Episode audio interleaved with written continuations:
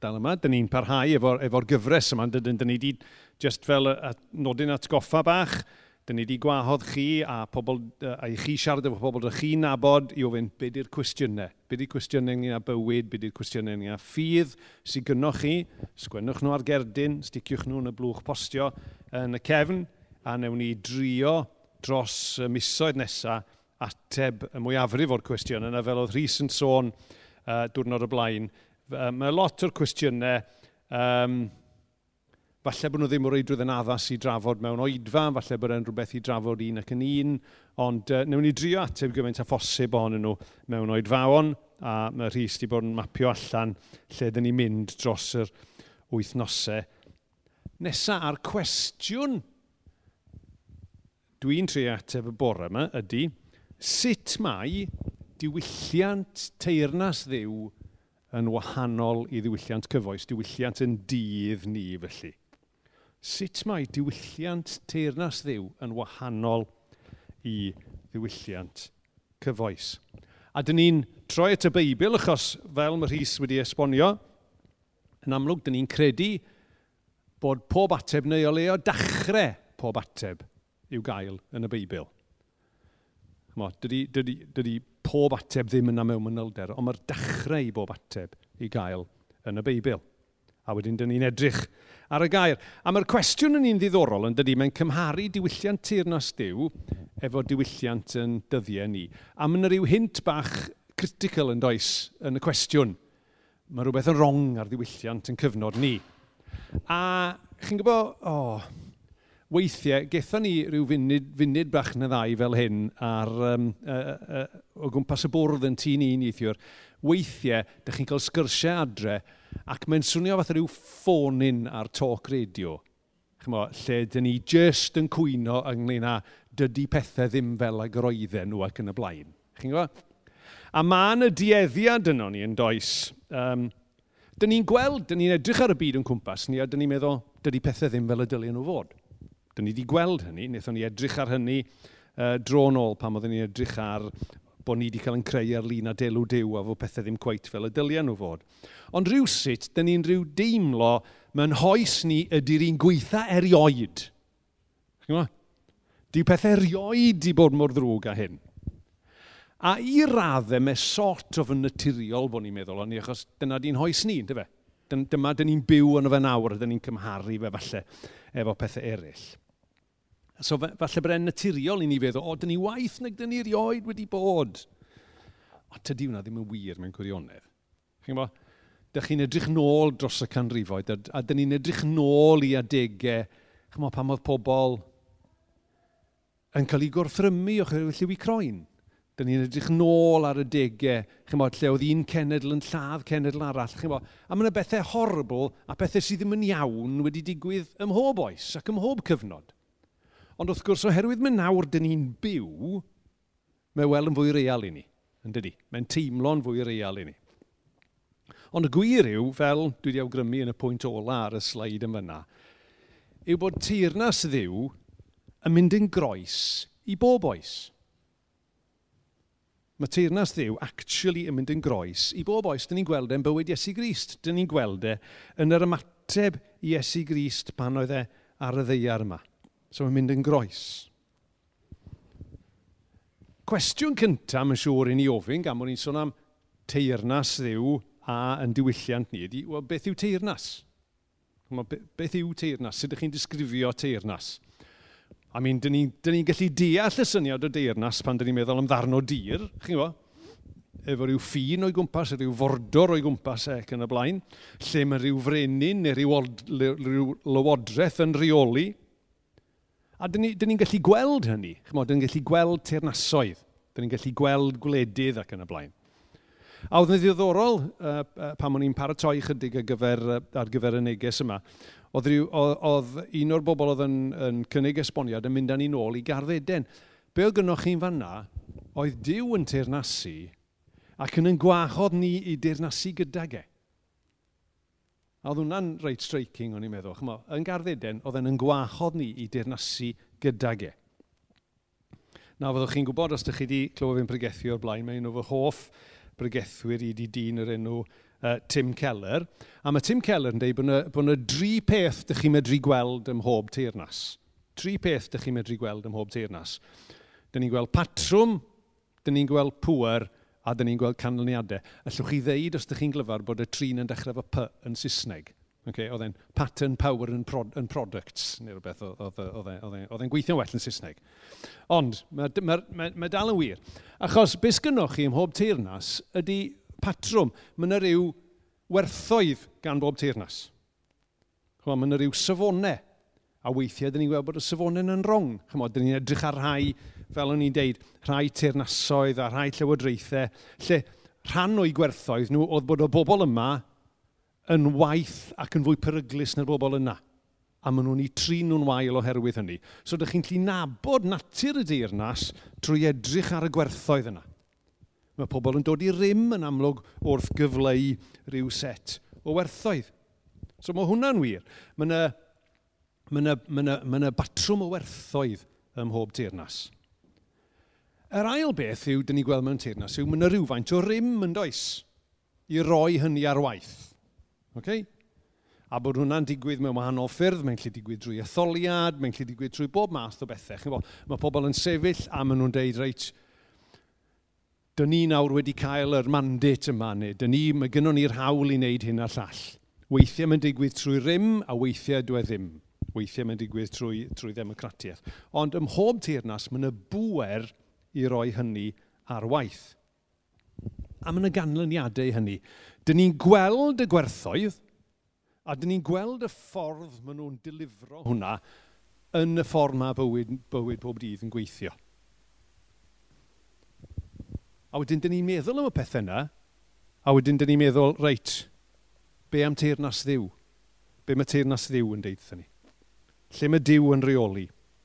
A Iesu Gris, i sefydlu'r deirnas yn dweud, dyn ni'n darllen yr adnodau yma. Roedd Iesu'n teithio ar hyd a lled Galilea yn coeddi'r newyddion da am deirnasiad Dyw ac yn iechau pob afiechyd a salwch oedd ar y bobl. Mae Iesu Grist yn deud am y deyrnas, a mae'n gwneud rhai pethau i ddangos y deyrnas hefyd. Mae'n dangos i allu fe.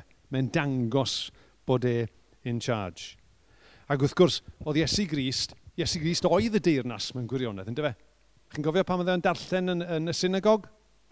A oedd e'n sôn am gyhoeddi rhyddid i bobl ac yn y blaen, a dyma fe'n deud, mae'r geiriau yma o'r ysgrifau sanctaidd wedi dod yn wir heddiw. So mae Iesu Grist wedi dod i sefydlu teirnas. A mae honna yn deirnas gwahanol. A fel dwi wedi sôn yn barod, chi'n bo, mae'r er awgrym yw bod pethau ddim fel y dylien nhw fod. Tua tair wsnos ôl ni'n sôn am bod ni wedi cael ein creu ar lun a delw diw, ar ddelw diw ei hun. Ond, dyw hwnna ddim mor amlwg nawr, achos mae rhywbeth wedi mynd ar goll. mae rhywbeth wedi mynd yn wrong. Ac felly mae Iesu Grist wedi dod i sefydlu teirnas sydd yn wahanol. Mae teirnas ddiw yn mynd i fod yn wahanol. Ond pa mor wahanol? Sut dyn ni fod yn wahanol? Os ydych chi'n cofio nôl i'r pwyntiau yna ynglyn natur teirnas, na batrwm o werthoedd, pwer y roi hynny ar waith a canlyniadau hynny. Mi ddylen ni weld rhai o'r pethau yna pan dyn ni'n edrych ar beth yw teirnas ddiw. A dwi'n awgrymu i chi bore yma bod teirnas ddiw yn wahanol mewn tri ffordd. A dwi beth yn gwybod os mae tri neu tair. Any offers? Tair? Oce. Okay. Mewn tair ffordd. Y teirnas ddiw wahanol. Chi'n lli weld pan nes i sgwennu'r rhif tri yn ytrach yn y defnyddio'r gair y byna nawr. Ydych? Be dyn ni'n gweld, os dyn ni'n edrych ar deirnas ddiw, yw mae yna arglwydd gwahanol. Mae yna rheolau, a dwi'n defnyddio rheolau in, mewn dyfynodau yma yna. Okay? Mae yna rheolau gwahanol o ran mynd i fewn i'r deyrnas a byw yn y deyrnas, a wedyn mae yna ddinasyddion gwahanol. Da ni'n gweld be di canlyniadau y deyrnas yn hynny o beth. So, dewch i ni wneud uh, darlleniad. Nawr, mae'r darlleniad yma yn dod o lyc 6, uh, 17 i 26. Fydden nhw'n eiriau reit gyfarwydd i chi. Yna aeth i lawr i le gwastad. Roedd tyrfa fawr o ddilynwyr gydag e, a nifer fawr o bobl eraill a o bob rhan o Judea ac o Jerusalem a hefyd o arfordir Tyrus a Seidon yn gogledd. Roedden nhw wedi dod i wrando arno ac i gael ei iachau. Cafodd y rhai oedd yn cael eu poeni gan ysbrydion drwg ei gwella ac roedd pawb yn ceisio ei gyffwrdd am fod nerth yn llifo ohono ac yn ei gwella nhw i gyd. Yna trodd Iesu at ei ddisgyblion a deud, Di chi sy'n dlawd wedi'ch bendithio'n fawr, oherwydd mae Dyw yn teirnasu yn eich bywydau. Dy chi sy'n llwgu ar hyn o bryd wedi'ch bendithio'n fawr, oherwydd cewch chi wledd fydd yn eich bodloni'n llwyr rhyw ddydd. Dy chi sy'n crio ar hyn o bryd wedi'ch bendithio'n fawr, oherwydd cewch chwerthin yn llawen rhyw ddydd. Dych chi wedi'ch bendithio'n fawr, pan fydd pobl yn eich casau, a'ch cae allan, a'ch sarhau, a'ch enwau'n cael ei parddio am eich bod yn perthyn i mi, mab y dyn. Felly, byddwch yn llawen pan mae'r pethau yma'n digwydd. Neidiwch o lawenydd, achos mae gwobr fawr i chi yn y nefoedd. Cofiwch mae dynion union, dyna'n union sut roedd hynafiaid y bobl yma yn trin y proffwydi, ond gwau chi sy'n gyfoethog. Oherwydd ydych chi eisiau wedi cael eich bywyd braf. Gwau chi sydd â hen ddigon i'w fwyta. Oherwydd dawr dydd pan fyddwch chi'n llwgu. Gwau chi sy'n chwerthin yn ddihyd ar hyn o bryd. Oherwydd byddwch yn galaru ac yn crio. Gwau chi sy'n cael eich canmol gan bawb. Oherwydd dyna roedd hynafiaid y bobl yma yn ei wneud i'r proffwydi ffug. So, darlleniad um, reit gyfarwydd. A'r cwestiwn cyntaf am hwn ni ydy, dyn ni wedi clywed y geiriau yna, dyn ni wedi darllen y geiriau yna, a'r cwestiwn yw, i bwy mae'r neges? I bwy mae'r neges yma? Nawr, dwi'n gwybod os wnaethoch chi sylwi, ond roedd yna sôn yn y neges ynglyn â bod Iesu wedi galw'r disgyblion ato fe, ond bod yna dorf yna hefyd. So, oedd wedi galw'r disgyblion ato fe, ond oedd yna dorf yma hefyd. A wrth baratoi, o'n i, on i nodi'r sylw yma, o'n i'n meddwl oedd yn reit ddiddorol. Oedd neges Iesu Grist yn bennaf i'r disgyblion, ond oedd e'n gwybod bod y dorf yna so oedd e eisiau dorf glywed. A oedd hwnna'n rhywbeth i ni bob amser gofio pan dyn ni'n cyfarfod ar fore di sil, achos weithiau mae yna rhywun yn troi fewn, a falle bod nhw ddim yn credu. Ond beth dyn ni'n neud ar ddi sil fel hyn, wrth gannu, wrth ddarllen, wrth fyrio ar air dew, wrth wrando ar bregaeth, ydy creu darlun o sut beth ydy bod yn perthyn i deyrnas ddiw. A mae hwnna yn her i ni, mae'n esboniad i ni, ond hefyd mae'n ddisgrifiad falle i rywun o'r tu allan. Ac yn wahoddiad i rywun o'r tu allan, falle sydd ddim wedi rhoi, wedi dod i'r bywyd eto, i ddeud, wel, dyma sut beth ydy e. Dyma be mae'n golygu. So mae'n iawn yn bod ni'n gwneud hynny. A beth ni'n cael yn y darlleniad i hun, wrth gwrs, yn y neges yma oedd i'r disgyblion efo'r dorf yn gwrando, ydy rhestr reit streiking, reit ysgytwol o beth sy'n iawn a beth sydd ddim yn y deyrnas. Dyna ni'n cael ei gwyn ei byd, neu uh, uh, hwnna oedd yn yr hen gyfeithiad, ynddo fe. A wedyn gwau rhai pethau. Gwyn eich byd A wedyn, dyn ni'n darllen y geiriau, a dewch chi yn onest, maen nhw'n swnio chydig bach yn weird, yn dydyn. Gwyn eich byd, os ydych chi'n dlawd, os ydych chi'n llwgu, os ydych chi'n cysau, os ydych chi'n cael eich cysau, os ydych chi'n cael eich parddio. A wedyn, mae'n dweud, gwau chi os ydych chi'n gyfoethog, os ys gynnwch chi ddigon i'w fwyta, os ydych chi'n chwerthin, os ydych chi'n cael eich canmol. A pan ydych chi'n darllen e, ydych chi'n dweud, hold on, this isn't what I signed up for. Chyma. Pam o'n i'n dod ar ddiw, o'n i'n meddwl sy'n bywyd lot brafiach na hyn. Ond gwyn eich byd, y tlawd, y rai sy'n llwgu, y rai sy'n cael ei cysau, y rai sy'n cael, cael ei parddio, dwi'n gwybod fe drwy'n i edrych llawer llawer mwy manwl ar hynny a, a'i esbonio fe'n iawn rhyw dro eto. Ond wedyn gwau chi y bobl sydd fel tesyn nhw'n cael bywyd braf a mae'n reit drawiadol yn dydi. Be sgynno ni fan hyn ydy arglwydd gwahanol.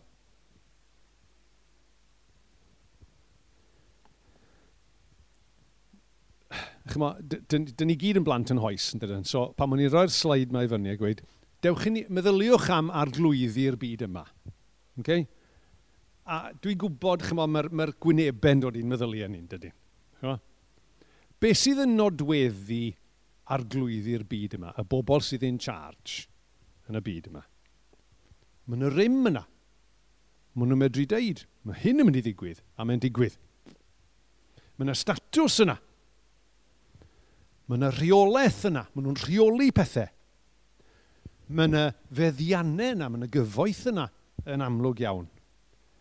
Mae yna warchod yna, chymod, chi'n gweld y cavalcades mae'n dod, chymod, ar ceir o flaen pobl, ar motorcyclists o'i cwmpas nhw yn y blaen. Dyna beth sy'n nodweddu ar glwyddi y byd yma. Mae gennyn nhw ddylanwad. Dylanwad di pob dim, yn dweud. A o'n i'n meddwl am un elfen. Chi'n gwybod?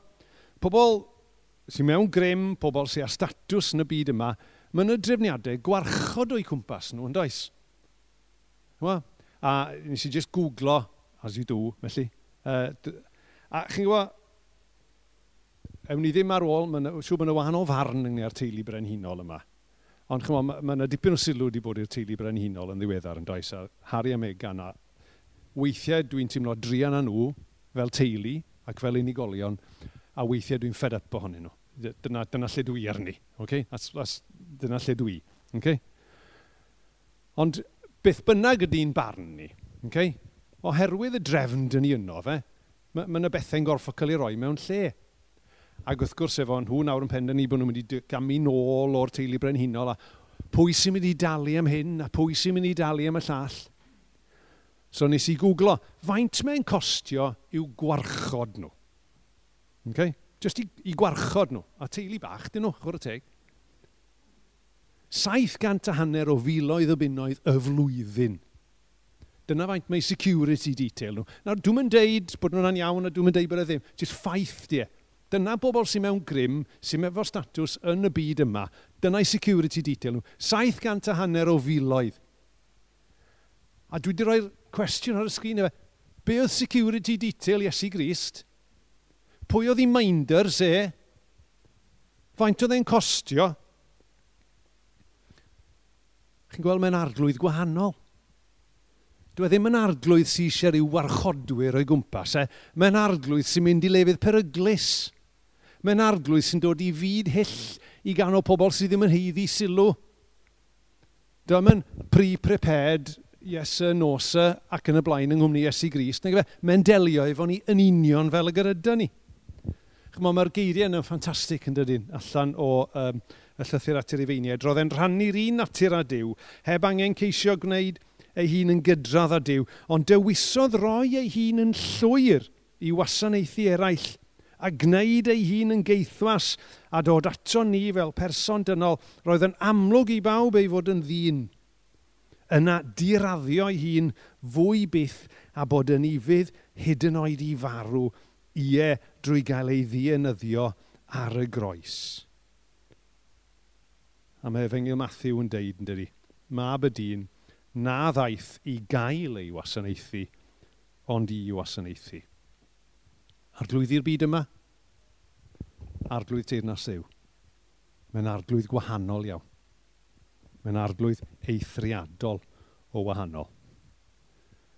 So mae'n arglwydd gwahanol, a, mae a dwi wedi nghofio'r quotation marks, dwi wedi nghofio'r dyfynodau fan hyn, mae yna rheolau gwahanol yn perthyn i bob teirnas yn does. Mae yna rheolau gwahanol yng nghymunediad i'r deyrnas. Sut ydych chi'n cael mynd i fewn i'r deyrnas? O'n i'n, eto, mae, yn tydi'r internet yn beth da. Chyma? Nes i, o'n i'n gwybod bod yna, mae yna prawf dinasyddiaeth nawr, yn does? Os ydych chi eisiau dod yn... Os ydych chi ddim wedi geni ym Mhryden, mae yna brawf dinasyddiaeth a mae'n debyg, mae yna 24 cwestiwn yn y prawf yma. Dwi'n gwybod be ydy'r cwestiynau, dwi'n gwybod a fydden ni'n gallu ateb nhw'n iawn a ydych chi'n cael tri chwarter awr i ateb y cwestiynau yna. Ond dyna'r ffordd i fewn i'r deyrnas. Dyna'r ffordd mae rhywun yn dod i fewn. Dych chi'n goffo cyrraedd rhyw safon. A mae yna sôn yn does, chymo, achos bod pobl yn poeni neu mewn fudo ac yn y blaen. Chymo, bod yna, bod yna rhyw system bwyntiau yn mynd i ddod. Chymo, a fyddwch chi'n cael hyn a hyn o bwynt os ydych chi mewn job dyn ni angen, a fyddwch chi ddim yn cael y pwynt yna os ydych chi ddim ac yn y blaen. Dyna'r ffordd ydych chi'n cael mynediad, dau ffordd ydych chi'n cael mynediad i deyrnas. Un ydy bod chi wedi'ch geni yna yn naturiol, a'r llall ydy bod chi'n pasio rhyw brawf. Naren, be am deyrnas ddiw? Pwy ohono ni sydd efo digon o boints i fynd i fewn i deyrnas ddiw? Neb. Pwy ohono ni sydd yn gallu cyrraedd y safon i fynd i fewn i deyrnas ddiw? Neb. Be di'r qualification? Be di'r qualification am ddod i deyrnas ddiw? Dewch ata i. Bawb sy'n cael eich llethu gan feichiau trwm a rhof i o'r ffwys i chi. Dyna'r gwahoddiad i deyrnas ddiw. Ddim dewch ata fi, pasiwch exam, gnewch hyn ar llall a cyreiddwch rhyw safon. Na, dewch ata fi, bawb sy'n cael eich llethu gan feichiau trwm a rofi o'r fwys i chwi. Ond mae'n dod â ni fewn i'r dirnas. Ac mae'n dod â ni fewn i'r dirnas trwy wneud waith yn y bywydau ni. Be mae'n gwneud? Gred i fi all neb brofi diwn teirnasu heb fod wedi cael ei eni drwy ddŵr a drwy'r ysbryd. Rhaid i chi gael eich geni oddi uchod. So mae'n ymwneud â genedigaeth, ond genedigaeth gwahanol iawn. Ddim genedigaeth naturiol, ond genedigaeth o ddichod genedigaeth yn dod oddi wrtho fe. Gwaith diw yn ein bywydau ni sy'n dod â ni fewn i'r deyrnas. Ddim pasio test, ddim dangos rhyw disdysgrif, ond gwaith diw yno ni sy'n dod â ni fewn i'w deyrnas e. So mae'n wahanol iawn yng Nghymru ffordd ni'n dod i fewn i'r deyrnas yma, i deyrnasoedd y byd.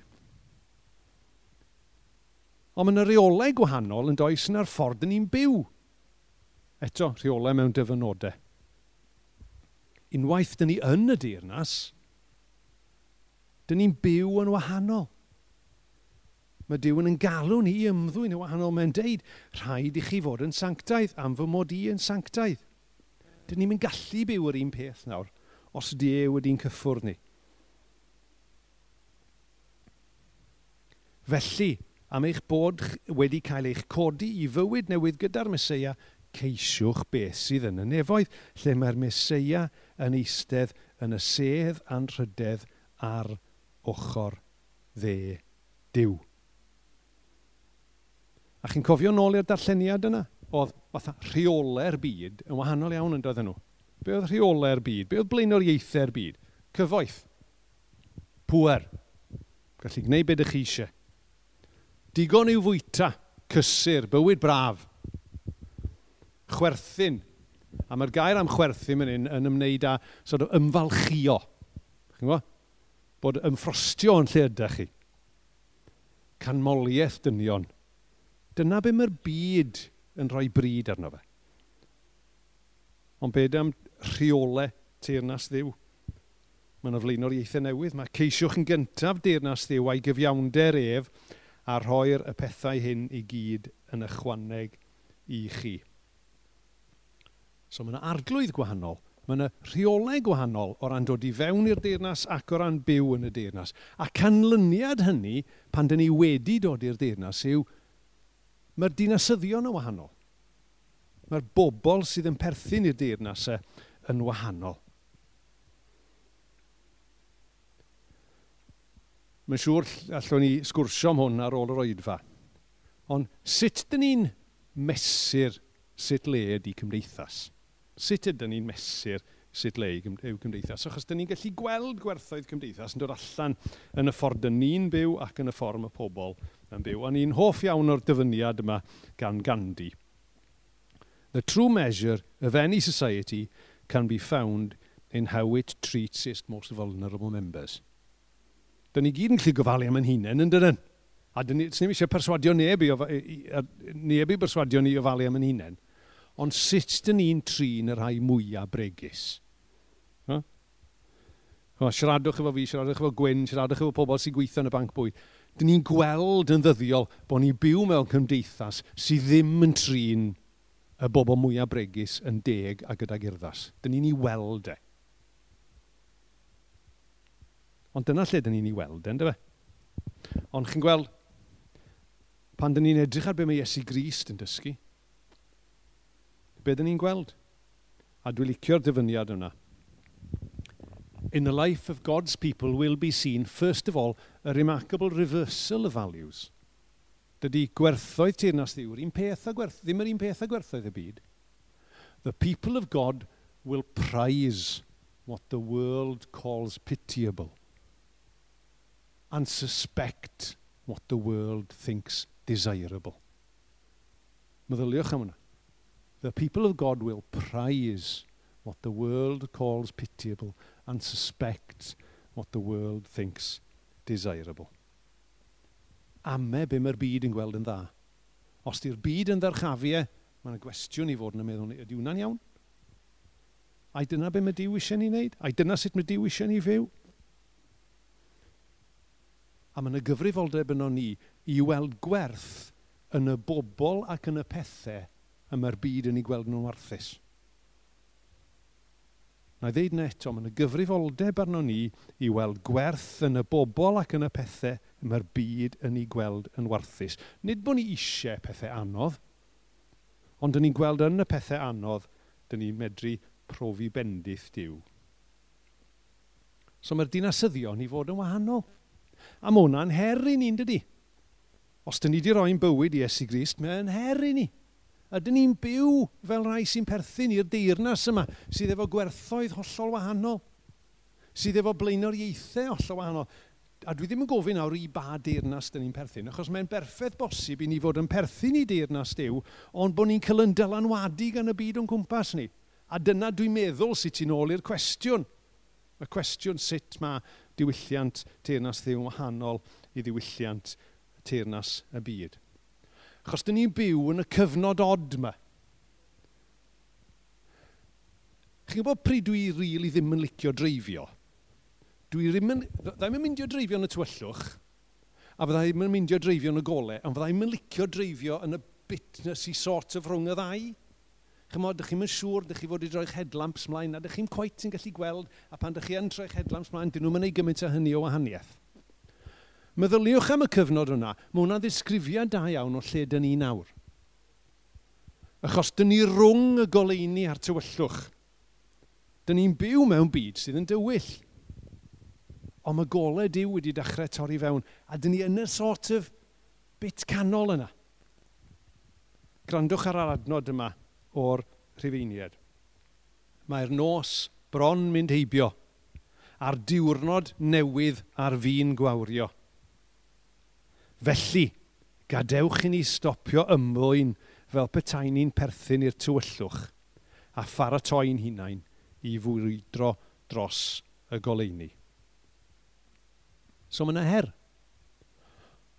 Ond, mae'n bwysig i ni gofio, mae'n nid rhyw her er mwyn creu anobaith yno ni. Dwi e ddim yn herio ni a dweud, sort yourselves out, felly. Mae'n gyda'r her, mae'n yn erth yn dod. Nid just esiampl oedd Iesu Grist.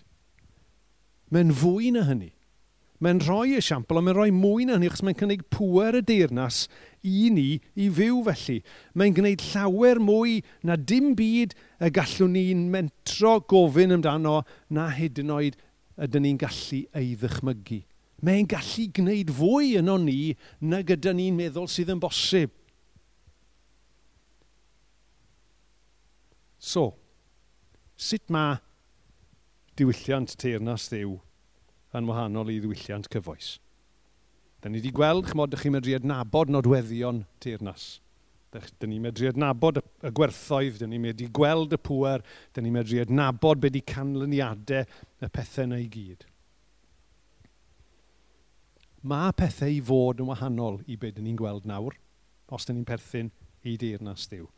Mae wahanol mewn amryw o ffyrdd. Mae gennym ni arglwydd gwahanol. Mae gennym ni arglwydd cwbl wahanol i arglwyddi'r byd yma. Cwbl wahanol. Dim statws sy'n bwysig, ond gwasanaeth. Dim pwer, ond aberth.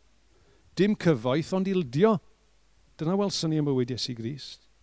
Mae rheolau gwahanol, mae'r ffordd ni'n dod i fewn i'r deyrnas yn wahanol. Ni, mae yna wahoddiad i ni ddod i fewn, ddim trwy basio exam, ond trwy cyfaddau yn gwendid. A taflu'n hunain arno fe gan yn bod ni'n gwybod bod ni wedi methu. A pan dyn ni yn y dirnas wedyn ni, mae yna help a pwer i ni fyw yn wahanol achos dyna dyliau ni wneud. A mae dinasyddion y dirnas go iawn yn troi y byd wyneb i weired. Dyna oedden nhw'n deud am yr eglwys fore, ynddo fe? Bod yr eglwys fore wedi troi y byd wyneb i weired yn unerthu ac yn ei allu fe. A mae hwnna'n wahoddiad. Mae hwnna'n wahoddiad i chi, mae'n wahoddiad i fi. Dewch i ni weddio. O ddiwein tad, dyn ni'n diolch i ti am, am dy air di, dyn ni'n diolch i ti am dy allu di, dyn ni'n diolch i ti am dy ddoethineb di. Arglwydd dad, ni di'n helpu ni i sylweddoli'r hyn rwy ti'n yn gwahodd ni iddo fe. Diolch i ti, devotion yn gwahodd ni i deyrnas mor wahanol. Diolch i ti arglwydd defoti'n arglwydd gwahanol. Bod y ffordd ni'n dod ata ti mor wahanol i ffordd y byd. A wedyn yw ti'n yn gwahodd ni i fyw fel dinasyddion byw yn y deyrnas wahanol yma. Arglwydd helpa ni heddiw a yn ystod yr wythnos ac yn yr wythnosau'r misoedd nesaf i weithio allan be mae hwnna'n golygu yn ein bywydau ni. Be mae'n golygu arglwydd i ni fod yn blant i ti? Sut dyn ni'n byw, sut dyn ni'n rhannu, sut dyn ni'n dywasanaethu di, sut dyn ni'n ddilyn di. O dad, diolch i ti am unwaith eto am dy air di, diolch i ti am dy gariad di, diolch i ti am dy mynedd di gyda ni. Helpa ni nawr i roi yn hunain yn dy law di ac i dy wasanaethu di a boed i'r cyfan arglwydd fod er dy glod a dy goniant. Amen.